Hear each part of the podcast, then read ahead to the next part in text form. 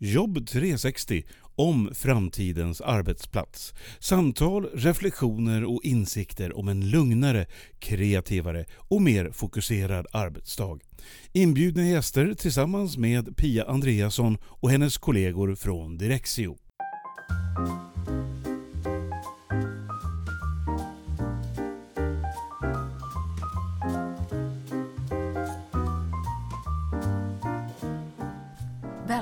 Till ett nytt Best of avsnitt från Jobb 360. Det här avsnittet handlar om digital arbetsplats. Första delen ur ett program från våren 2018 med Gustav Molnar från Divo. Nästa del är Torbjörn Svedung från Melleruds kommun, en liten kommun som ligger långt framme när det gäller digitalt arbetssätt och digital arbetsplats. Och sist i det här programmet hör du Paul Linde ett ganska färskt inslag där han berättar om dagens och morgondagens moderna digitala arbetsplats. Välkommen till Jobb 360!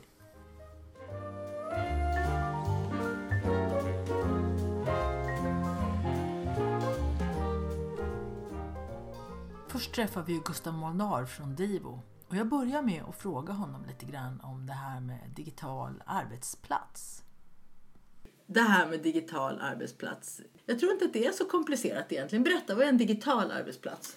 Ja, människor har en tendens att eh, komplicera begreppet och uttrycket. Googlar man på det kommer det upp en mängd olika definitioner som gör människor ännu mer förvirrade. Och ja, det här är så intressant att det är lite grann upp till varje organisation att faktiskt sätta det här nu, att förstå men hur ska vi betrakta den digitala arbetsplatsen? Jag brukar bara säga att vad det egentligen är, så är det den, det, är den virtuella motsvarigheten till den fysiska arbetsmiljön. Det är inte svårare än så. Så att eh, det är lätt att trilla dit att det handlar om massa infrastruktur och verktyg och, och systemmiljöer och så vidare. Eller att det, eh, jag har sett någon definition av att det skulle vara liksom det moderna intranätet. Men egentligen så, om man bara ska backa från, från tekniken lite grann när man pratar digital arbetsplats, så handlar det om arbetsmiljö.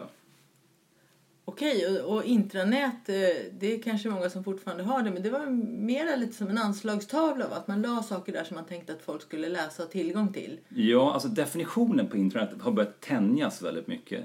Eh, väldigt många organisationer, alltså även stora organisationer, de, de har slutat ens att använda begreppet intranät. För det är så, det är så negativt laddat eh, och det är så, så starkt förknippat med just det här som du var inne på, anslagstavlan eller uppifrån och ner perspektivet, att man, man, man liksom pushar ut och vad tänker man på då? Jo, men då tänker man ju på den klassiska hierarkin med uppifrån och ner. Så att det, är, det började med när man tände på det här begreppet att, att någon utmanade, men vänta nu, ska ett intranät verkligen bara vara ett redaktörsperspektiv? Ska det inte vara ett medarbetarperspektiv? Och där började man prata lite mer om den digitala arbetsplatsen och jag säger tyvärr ganska starkt förknippat med ett system det handlar så mycket, mycket mer om, om någonting mer än bara ett intranät skulle jag säga. Så du jämför alltså den digitala arbetsplatsen med så att säga, en vanlig arbetsplats där det finns mötesrum och där mm. man kan sitta och jobba och där man har sina filer och, och där man träffar kollegorna och löser problem och så? Det skulle absolut. Och jag, jag, det är faktiskt en uppmuntran att man börjar prata mer om det digitala kontoret. Alltså på samma sätt som man har olika rum som ska stimulera beteenden. Och beteenden kommer bli nyckelordet för tittar man på den fysiska arbetsplatsen så finns det så otroligt mycket bra beteenden. Alltså det sitter ju djupt rotat. Vi har lärt oss att plocka undan våra koppar efter oss när vi lämnar ett mötesrum och det kommer in städare på helgen som gör det fint.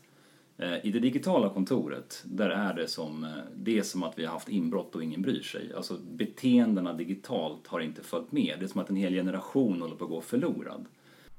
Här fortsätter jag att fråga Gustav om hur han ser på den digitala och den fysiska arbetsplatsen, hur de ska samverka med varandra. Eh, först och främst att, att, acceptera att den digitala är arbetsmiljö, det är steg ett. Sen går de ju mycket mer ihop och eh, jag menar, sen skiljer det sig från om är man tjänsteman eller jobbar jag i fabrik eller jobbar jag i en butik så kommer det där skilja sig lite grann på hur mycket tid spenderar man i det digitala. Men vi, vi gjorde mätningar eh, under hela förra året och såg ett snitt på tjänstemän som är att man spenderar ungefär 78% av sin tid med att titta in i en skärm. Så mycket? Det är så mycket. Och, oj, oj, oj. Eh, och den tiden som man spenderar sen i det fysiska, där handlar det mycket mer om alltså, eh, avbryta kollegor, eh, hantera dålig möteskultur och så vidare, tyvärr. Men den, både den fysiska och den digitala är oerhört viktiga för hälsa, för engagemang, för stressnivåer och så vidare. Eh, och jag tror att de håller på att gå ihop ännu mer. Tidigare så fanns det en ganska tydlig uppdelning. Det här är den fysiska och det här är den digitala. Men tittar man även på kontoret nu så spås det ju att liksom, tekniken går ju även in i det fysiska kontoret. Och de digitala beteenden, det vill säga att, att vi ser att människor spenderar väldigt mycket skärmtid och man är också allt mindre vid sitt skrivbord och mycket mer på liksom, ute och far och flänger och träffar människor, nätverkar och sådär. Och de fysiska arbetsplatserna står allt mer tomma. Eh, så tittar man ju på aktivitetsbaserat, det är ju en supertrend och kommer fortsätta vara det vad vi tror i alla fall ett tag framöver. Men eh, det blir ju också att det fysiska kontoret det ändras ju även lite grann där för tjänstemän. Det blir ju mycket mer den här liksom batteriet dit du går och laddar upp dig, träffar dina kollegor liksom, och hubben där du liksom, vad ska man säga? Ja, där man känner tillhörighet. Jag hör hemma i det här sammanhanget. Gustav och jag pratar mera om hur den digitala arbetsplatsen i dagsläget orsakar mera förvirring än att den ses som en resurs. Så jag frågar honom om han tror att det kommer att ändras i framtiden.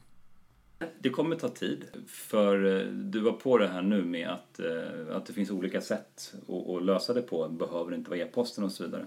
Och jag tror att nu är man i ett skede där den digitala arbetsplatsen är förvirrande för det finns så många olika system som helt plötsligt har skjutits in på bolag. Oavsett om man går Microsoft-vägen eller Google-vägen eller något annat spår. Och det är också frågan när ska vi använda vad och varför i den här system eller verktygsdjungeln som behöver redas ut lite grann. Så att det gäller ju att vara liksom, man ska vara utforskande men att börja sätta lite, vad är det som gäller? Hur jobbar vi på den här arbetsplatsen? Vad använder vi för system, i vilket syfte? För det är det klart att, att eh, man kan gå här i Chaparral och så säger vi liksom, men kör Slack här, kör Teams här, kör Jammer här, kör SharePoint här, kör Dropbox här och så vidare. Men vi har inte sett att det fungerar om man ska åstadkomma det här riktigt, eh, vad ska jag säga, värdenätverkandet inom bolag. För då blir det väldigt svårt att få de här systemen att faktiskt eh, prata med varandra. Eller Gustav och hans kollegor på Divo har jobbat i många år med att eh, hjälpa kunder att utforma sina digitala arbetsplatser för att uppnå målen med sin verksamhet. Jag passar på att fråga Gustav vad som är på tapeten nu. Vad är det kunderna frågar efter när det gäller digital arbetsplats? Men jag tror att den, den, stora saken som jag hör i alla fall nu, det är att det är inte som några år sedan då tekniken inte fanns. Nu finns den där. Och det handlar om att förstå hur ska man jobba med hittbarheten? Hur ska man låta verksamheten och människorna skapa upp saker? Men också då det här med beteenden. Och nu kommer den stora nyckeln. För att du vet ju Pia att all typ av förändring det handlar ju om att vi ska börja göra nya saker och så ska vi sluta göra andra saker. Exakt. Och så, så finns det saker vi ska fortsätta göra också. Men men det som, som är utmaningen här, det är ju att de beteendena som vi ska börja göra imorgon, det är normalt sett inte sånt som står i min funktionsbeskrivning eller sånt jag får lön för. Och vad krävs då för att få en människa eller en medarbetare att göra någonting som är utöver? Och vi pratar om att skapa värde i verksamheten, alltså att jag delar med mig min kunskap och så vidare. Ja, men då krävs ju engagemang. Alltså det är nyckeln i allt. Eh, man behöver skapa ett enormt bränsle runt engagemanget om man ska göra de här resorna med att få människor att ändra sina arbetssätt.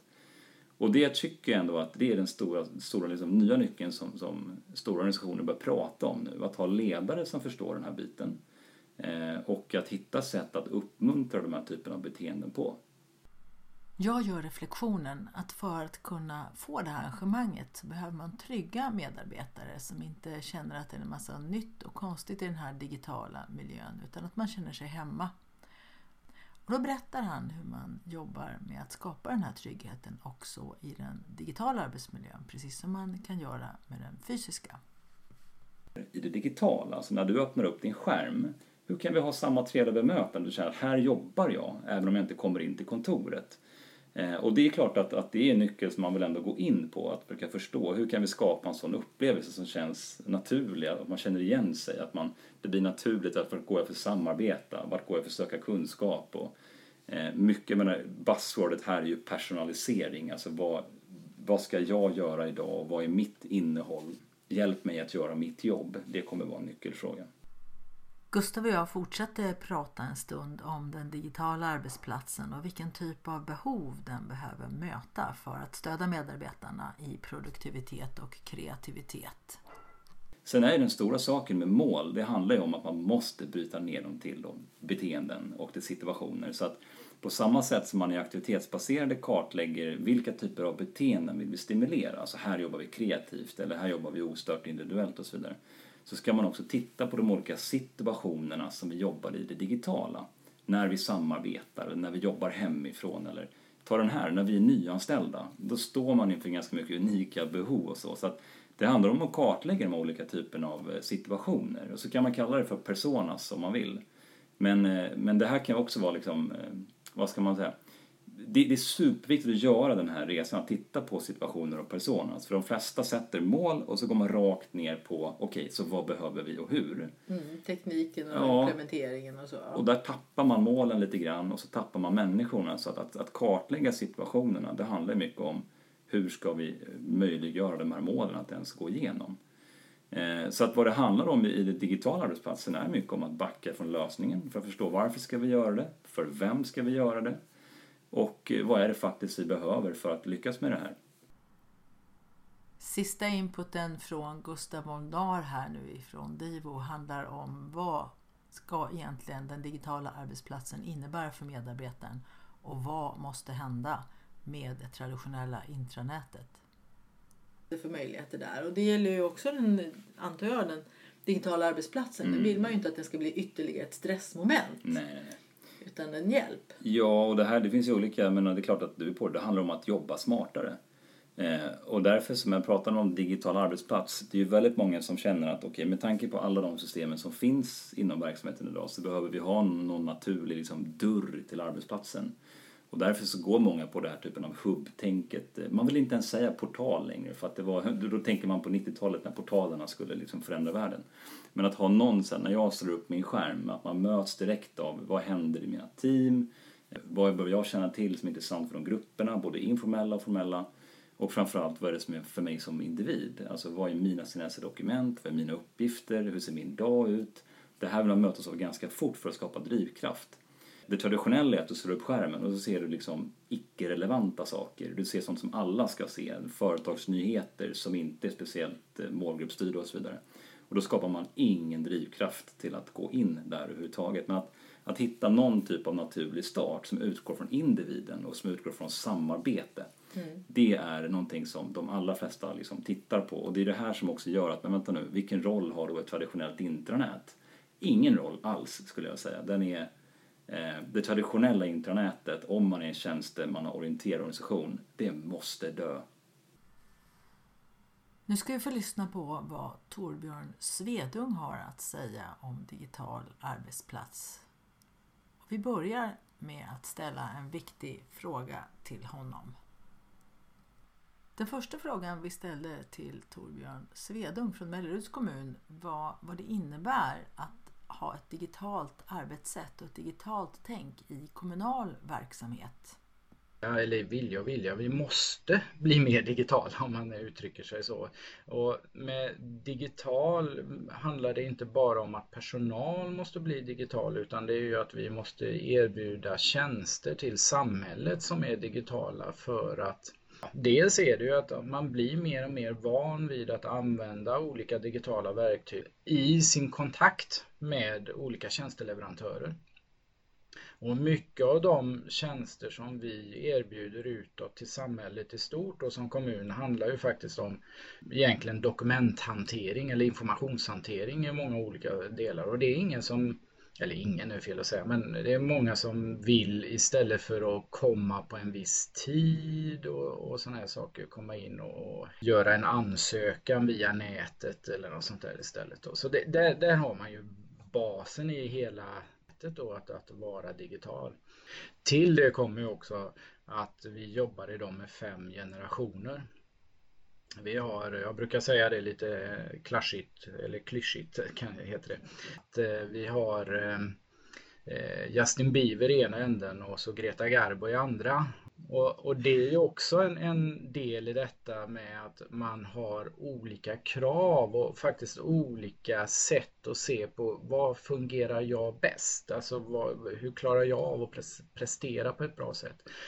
Och ska vi som arbetsgivare sitta och låsa in då alla i ett enda spår, ett enda fack, så, så kommer vi ha väldigt många lågpresterande personer. Det, det, blir krångel och så vidare. Och då, då måste vi ju också bredda vår eh, tjänstekatalog internt så att eh, alla kan jobba på olika sätt. Eh, ett sånt sätt som vi gjorde som var en av de vi var den första kommunen, i alla fall enligt utsago, eh, att gå in i Office 365 fullt ut i Microsofts lösning. 2012 gjorde vi. Ja. Sen ska man väl säga så här, jag tror att det fanns kommun, finns kommuner som kanske gick in i skola eller testade tidigare än oss. Det är jag nog rätt övertygad om utan att ha något papper på det. Men, men, men, vi var den första kommunen i alla fall då som gick in med allt. Det vill säga att allt ifrån elever till anställda och även politiker in i det här Office 365. Så tidigt som vi gick in så var ju faktiskt inte eh, Office 365 fullt utvecklat. Men man kan väl säga så här att, att det var en del i det att täcka behovet från med alla dessa generationer vi jobbar med. För att eh, Greta Garbo kan fortfarande gå in och använda klienterna som vanligt på sin dator och så vidare. Likväl som vi har Justin Bieber som bara jobbar i webben. Det var en, en, så att säga, ett sätt att resonera runt att alla måste inte jobba i webben. Eh, Microsoft pratar ju väldigt mycket om det här med olika yrkesgrupper och olika eh, licenser till olika yrkesgrupper. Vi har i, snarare jobbat med licenser utifrån vad har jag för behov? Hur jobbar jag som bäst som person? Att tänka utifrån behov istället för att tänka på vilket yrke har du eller inom vilket område arbetar du. Det tycker jag förstås var väldigt intressant. Sen kände vi också att vi behövde ställa frågan hur gör de i Mellerud för att få med alla medarbetare på det här nya digitala arbetssättet? Vilka knep har de? Vi, har egentligen inget knep utan det är som så här att de flesta av oss vill utvecklas på ett eller annat sätt. Oavsett ålder och oavsett hur nära pension man är. För det tror jag också har varit en diskussion ibland att folk som är nära pensionen inte vill lära, lära nytt och så vidare. Givetvis finns de människorna. Men majoriteten av oss vill faktiskt lära oss nya saker. Så att det det handlar om egentligen är ju mer om hur vi eh, pratar, hur vi diskuterar, hur vi eh, förhåller oss till de här olika instrumenten och verktygen. För Office 365 är ju bara ett verktyg av alla verktyg vi har idag. Det är väl snarare den biten hur vi chefer diskuterar och pratar om det med personalen. För att komplettera den dialogen som vi har så eh, kör vi lite inspirationsdagar. Det är helt öppna dagar där eller personal får boka in sig. Kan de så kan, kommer de och kan de inte så bokar de inte in sig. Och det, där drar vi olika ämnen. Ibland är det Office 365, ibland kan det vara helt andra saker. Ibland kan det bara vara en, ett, ett enda verktyg, Teams till exempel och så vidare. När Torbjörn berättade om de här inspirationsdagarna så gjorde jag reflektionen att de skickar en signal att det finns möjligheter för människor att utvecklas och lära sig mer. Så oavsett om man går på de här dagarna eller inte så sätter det en agenda i organisationen. Och då berättade Torbjörn om det enda som inte är okej okay om man är anställd i Melleruds kommun faktiskt det här med att inte vilja utvecklas alls. Det kommer vi gå ifrån mer och mer. Och det bygger ju mer på våra medarbetarsamtal och lönesamtal och sådana saker, vad, vad det är vi lägger i det. Det kommer nog bli mer och mer tydligt, det vill säga att, att det är inte accepterat att inte vilja utvecklas. Utan man måste bli bättre på det man håller på med på något sätt. Nästa fråga till Torbjörn handlade om varför de väljer att ta den här digitala vägen och utveckla sina digitala arbetssätt så mycket i en sån liten kommun. För egentligen är det bara ett, ett, ett, traditionellt kundtänk. Det vill säga att vem är jag här för? Vem är det jag ska tillfredsställa? Och i yttersta änden för en kommun, alla kommunanställda, så är det kommuninvånarna. Och då, då är ju frågan, det vi pysslar med, hur tillfredsställer vi det till kommuninvånarna på ett bra sätt. Sen triggas ju det här än mer av att vi har ju inte en eh, traditionell affärsmodell där vi tjänar pengar på att eh, göra det bra för kommuninvånarna utan det är snarare tvärtom. Bra för kommuninvånarna så får vi mindre intäkter. Och det innebär ju då att då måste vi ju effektivisera och hitta arbetssätt som gör att vi kan göra det väldigt kostnadseffektivt. Så hur gör man då för att generera idéer bland medarbetarna hur man kan jobba på det här kostnadseffektiva sättet? Torbjörn har tankar kring det, hur man kan utveckla verksamheten tillsammans. Vi är 1200 anställda. Alltså det, det vore väldigt konstigt om inte vi kan utveckla saker utifrån 1200 personers idéer. Mm. och använda den kraften i vår utvecklingsprocess istället för kanske enskilda individer ska sitta och hitta på saker och ting. Och man behöver egentligen bara slänga ut frågan. Här frågar jag Torbjörn vad han tror att utbildning kan ha för inverkan i en arbetsgrupp för att få dem att komma på idéer som kan föra verksamheten framåt. Och då svarar han så här. Först och främst vill jag vill påstå det att det är något man är dålig på. Det är att prioritera utbildning generellt sett. Eh, även hos oss. Alltså utbildning kostar väldigt mycket pengar. Men jag, det jag ser är att vi får igen de pengarna väldigt snabbt. Jag avslutar med att be Torbjörn om några tankar kring införande av Office 365. Melleruds kommun var ju väldigt tidiga på den bollen så jag tänkte att Torbjörn kunde ha några värdefulla tips. Och eh, jag blev lite överraskad för att Torbjörn kom ju med ett eh, klassiskt citat. Ja, egentligen handlar det om mod, skulle jag vilja använda som uttrycker det. Här ska du testa, om jag säger så. Try and arrow, liksom. Mycket saker kommer fram när man testar i 365 jag, jag vill påstå både privata och offentliga verksamheter har väldigt mycket det här med ramar, regler, styrning. Styr så lite som möjligt. Ja, jag måste säga att jag blev lite överraskad där. Torbjörn pratar om att det behövs mod och att man inte ska styra så mycket. En annan person som är inne på det är ju Paul Linde som jobbar heltid med att hjälpa företag och organisationer att införa Office 365. Så vi ska höra vad han har att säga. De sista åren så har det kommit mycket som visar på att, att om man ska utgå liksom från en användarupplevelse eller en kollegaupplevelse eller en anställds upplevelse. Så när man tittar på de digitala arbetsplatserna så i stora bolag så finns det så otroligt många intressenter och mellanchefer som man måste stämma av med. Det finns alltid någon som äger HR-systemet, någon äger katalogtjänsten, någon använder Office 365, någon äger eh, så enkla saker som hur man ska samarbeta på företaget. Så att eh, det finns liksom både massor av delar av IT och massor av delar av verksamheten som anser sig vara eh, stakeholders i den digitala arbetsplatsen. Och det tycker jag man ser nu att, att ska man få ordning och reda på, på den digitala arbetsplatsen i ett stort bolag så behöver man ta ett samlat grepp för eh, användarupplevelsen. Eh, annars så blir projekten väldigt långa, väldigt stora och väldigt segmenterade. Och så får man den här diversifierade användarupplevelsen där ingenting hänger riktigt ihop och man lägger massor av tid på, på att söka och leta och så vidare. Då. Så nu sista åren så har det kommit något som heter Eh, DEX till exempel, Digital Employee Experience, som, som börjar slå igenom och där man börjar fundera på de här frågorna på ett bättre sätt, tycker jag. Paul fortsatte prata om medarbetarupplevelsen och gav ett exempel från Singapore Airlines som har jobbat väldigt mycket med just det. Och de hade en nyckelfaktor för att bli framgångsrika. Och det, det säger de själva att det var det som var nyckeln till framgång i deras digitala arbetsplats. Att, att man hade en som rapporterade direkt till VD som ägde hela gränssnittet. Då.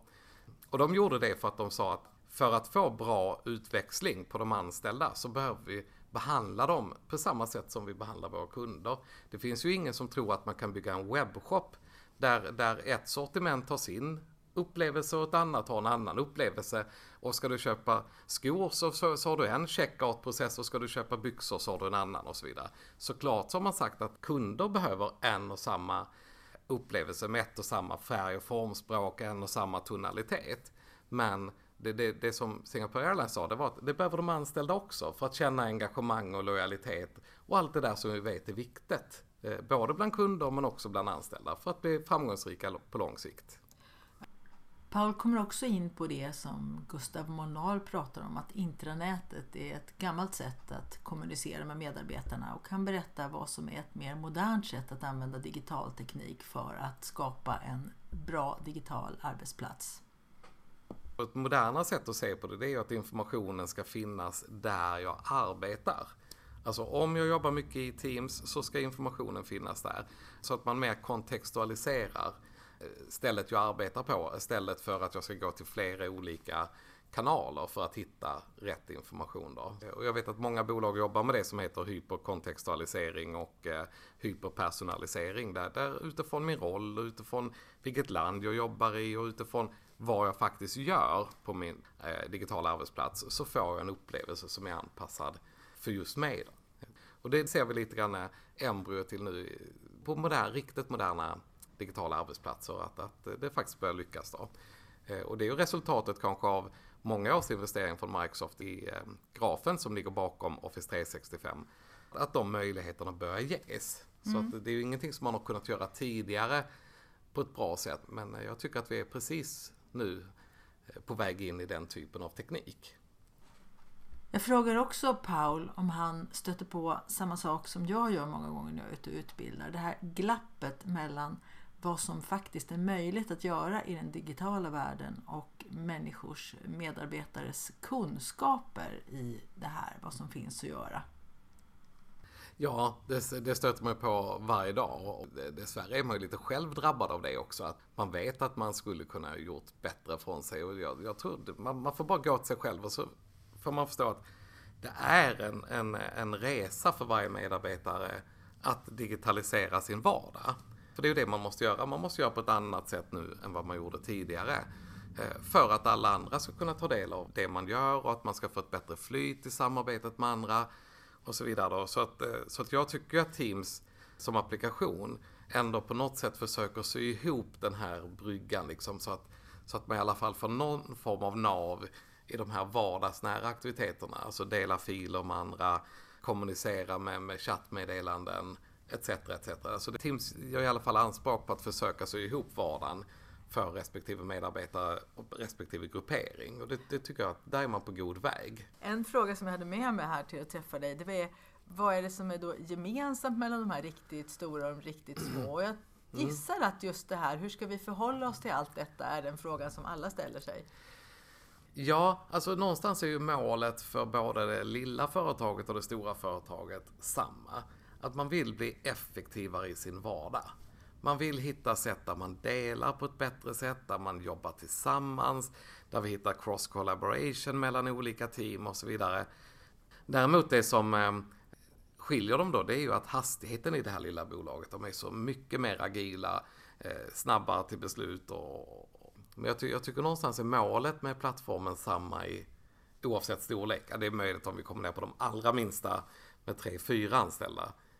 Då, då, då kanske det bara är ett bra sätt att licensiera produkterna. Men går vi upp från, från 50 anställda och fler så, så, så börjar det bli delning och samarbete som är på agendan. Mm. Vi pratar vidare kring förvaltningen av dokument. Vem ska äga informationen och på vilket sätt ska den lagras? Och jag frågar Paul vad han ser nu här i slutet 2019 när vi pratar om det här då, när det gäller förvaltning av dokument. Nej, förvaltning tycker jag är en sån sak som skiljer sig från fem. Alltså för fem år sedan så hade man ofta processer för att få skapa SharePoint-sajter. Du skulle fylla i formulär etc. etc. Men all, alla de här processerna försvinner lite grann allt eftersom. När, när mängden sajter blir så stor så kan man inte ha en process ja men säg att man skapar tusen teams i eh, månaden. Eh, då kan man inte ha en process för att någon ska sitta och godkänna. Och samma tycker jag gäller även SharePoint-sajter och kommunikationssajter. Låt, låt användarna skapa och äga sin information. Eh, någonstans måste det vara det rimliga sättet att förhålla sig till den här informationsmängden. Sen kan man ha en massa processer i bakgrunden som tittar på om en sajt är delad med alla medarbetare. Då kanske man ska skicka ut ett formulär för att se ifall den verkligen ska vara det eller ifall den innehåller någon form av känslig information. Eh, man kan också ha ett flow som kollar ifall det finns två informationsägare, alltså som kräver det på varje sajt. Så ifall någon slutar, att det finns en informationsägare anställd. Ehm, och man kan också ha flöden som kollar när sista inloggningen var och, automatiskt arkivera när det har varit låg aktivitet under ett år eller när sajten är tre år till exempel. Att man då måste förnya den för man ska ha kvar den. Så det finns ju en massa automatiserade förvaltningsåtaganden som man kan göra. Men den här traditionella styrningen, den, den tycker jag verkar tuff. Paul och jag pratar vidare en del om hur bra det går att använda de här nya informationskanalerna och digitala arbetsplatsen när man tar emot nya medarbetare. Och sen ger Paul en jättebra bild av förändringsarbete som han har fått från en generaldirektör bakåt i tiden. Ja, precis. Och jag lyssnade en gång på, ehm, på den förra generaldirektören för Skolverket, eller för, för förra kanske där, det var här var tidigt 90-tal. Och han sa att driva, driva utveckling inom skolan var det här specifikt, jag ska säga att det gäller överallt. Det är som att koka gröt. Först har du en trött, slät, grå yta, sen tillför du lite värme och då får du eruptioner på ytan, men så fort du tar bort värmen så har du samma trötta, gråa, släta yta igen. Alltså det gäller ju att hålla i energin i det här förändringsarbetet.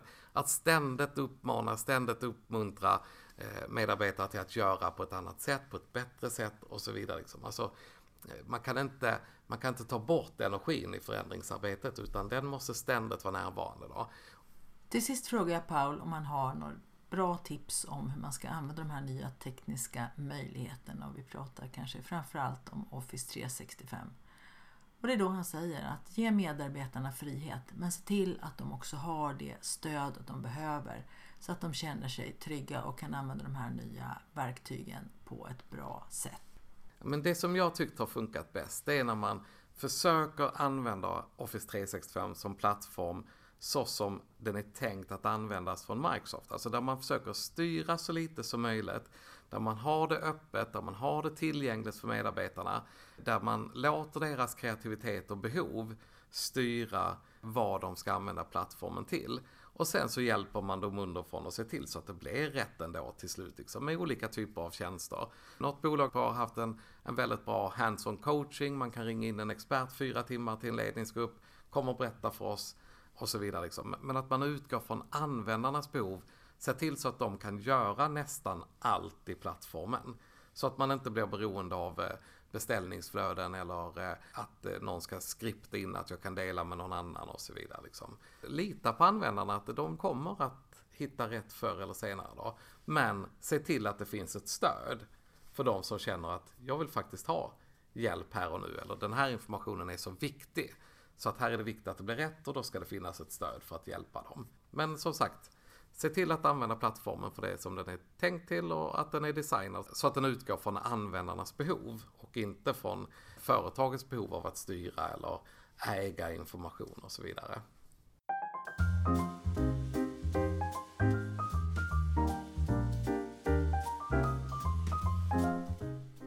Så, nu hoppas jag att du har fått mycket bra inspiration och input kring digital arbetsplats och vad det kan innebära. Du får gärna återkomma och berätta mera om vad du tycker om Jobb 360. Du kan höra av dig till info.direxio.se eller också hittar du mig Pia Andreasson på direxio.se. där finns min adress och telefonnummer. Återkom gärna med feedback. Tack för att du lyssnar på Jobb 360.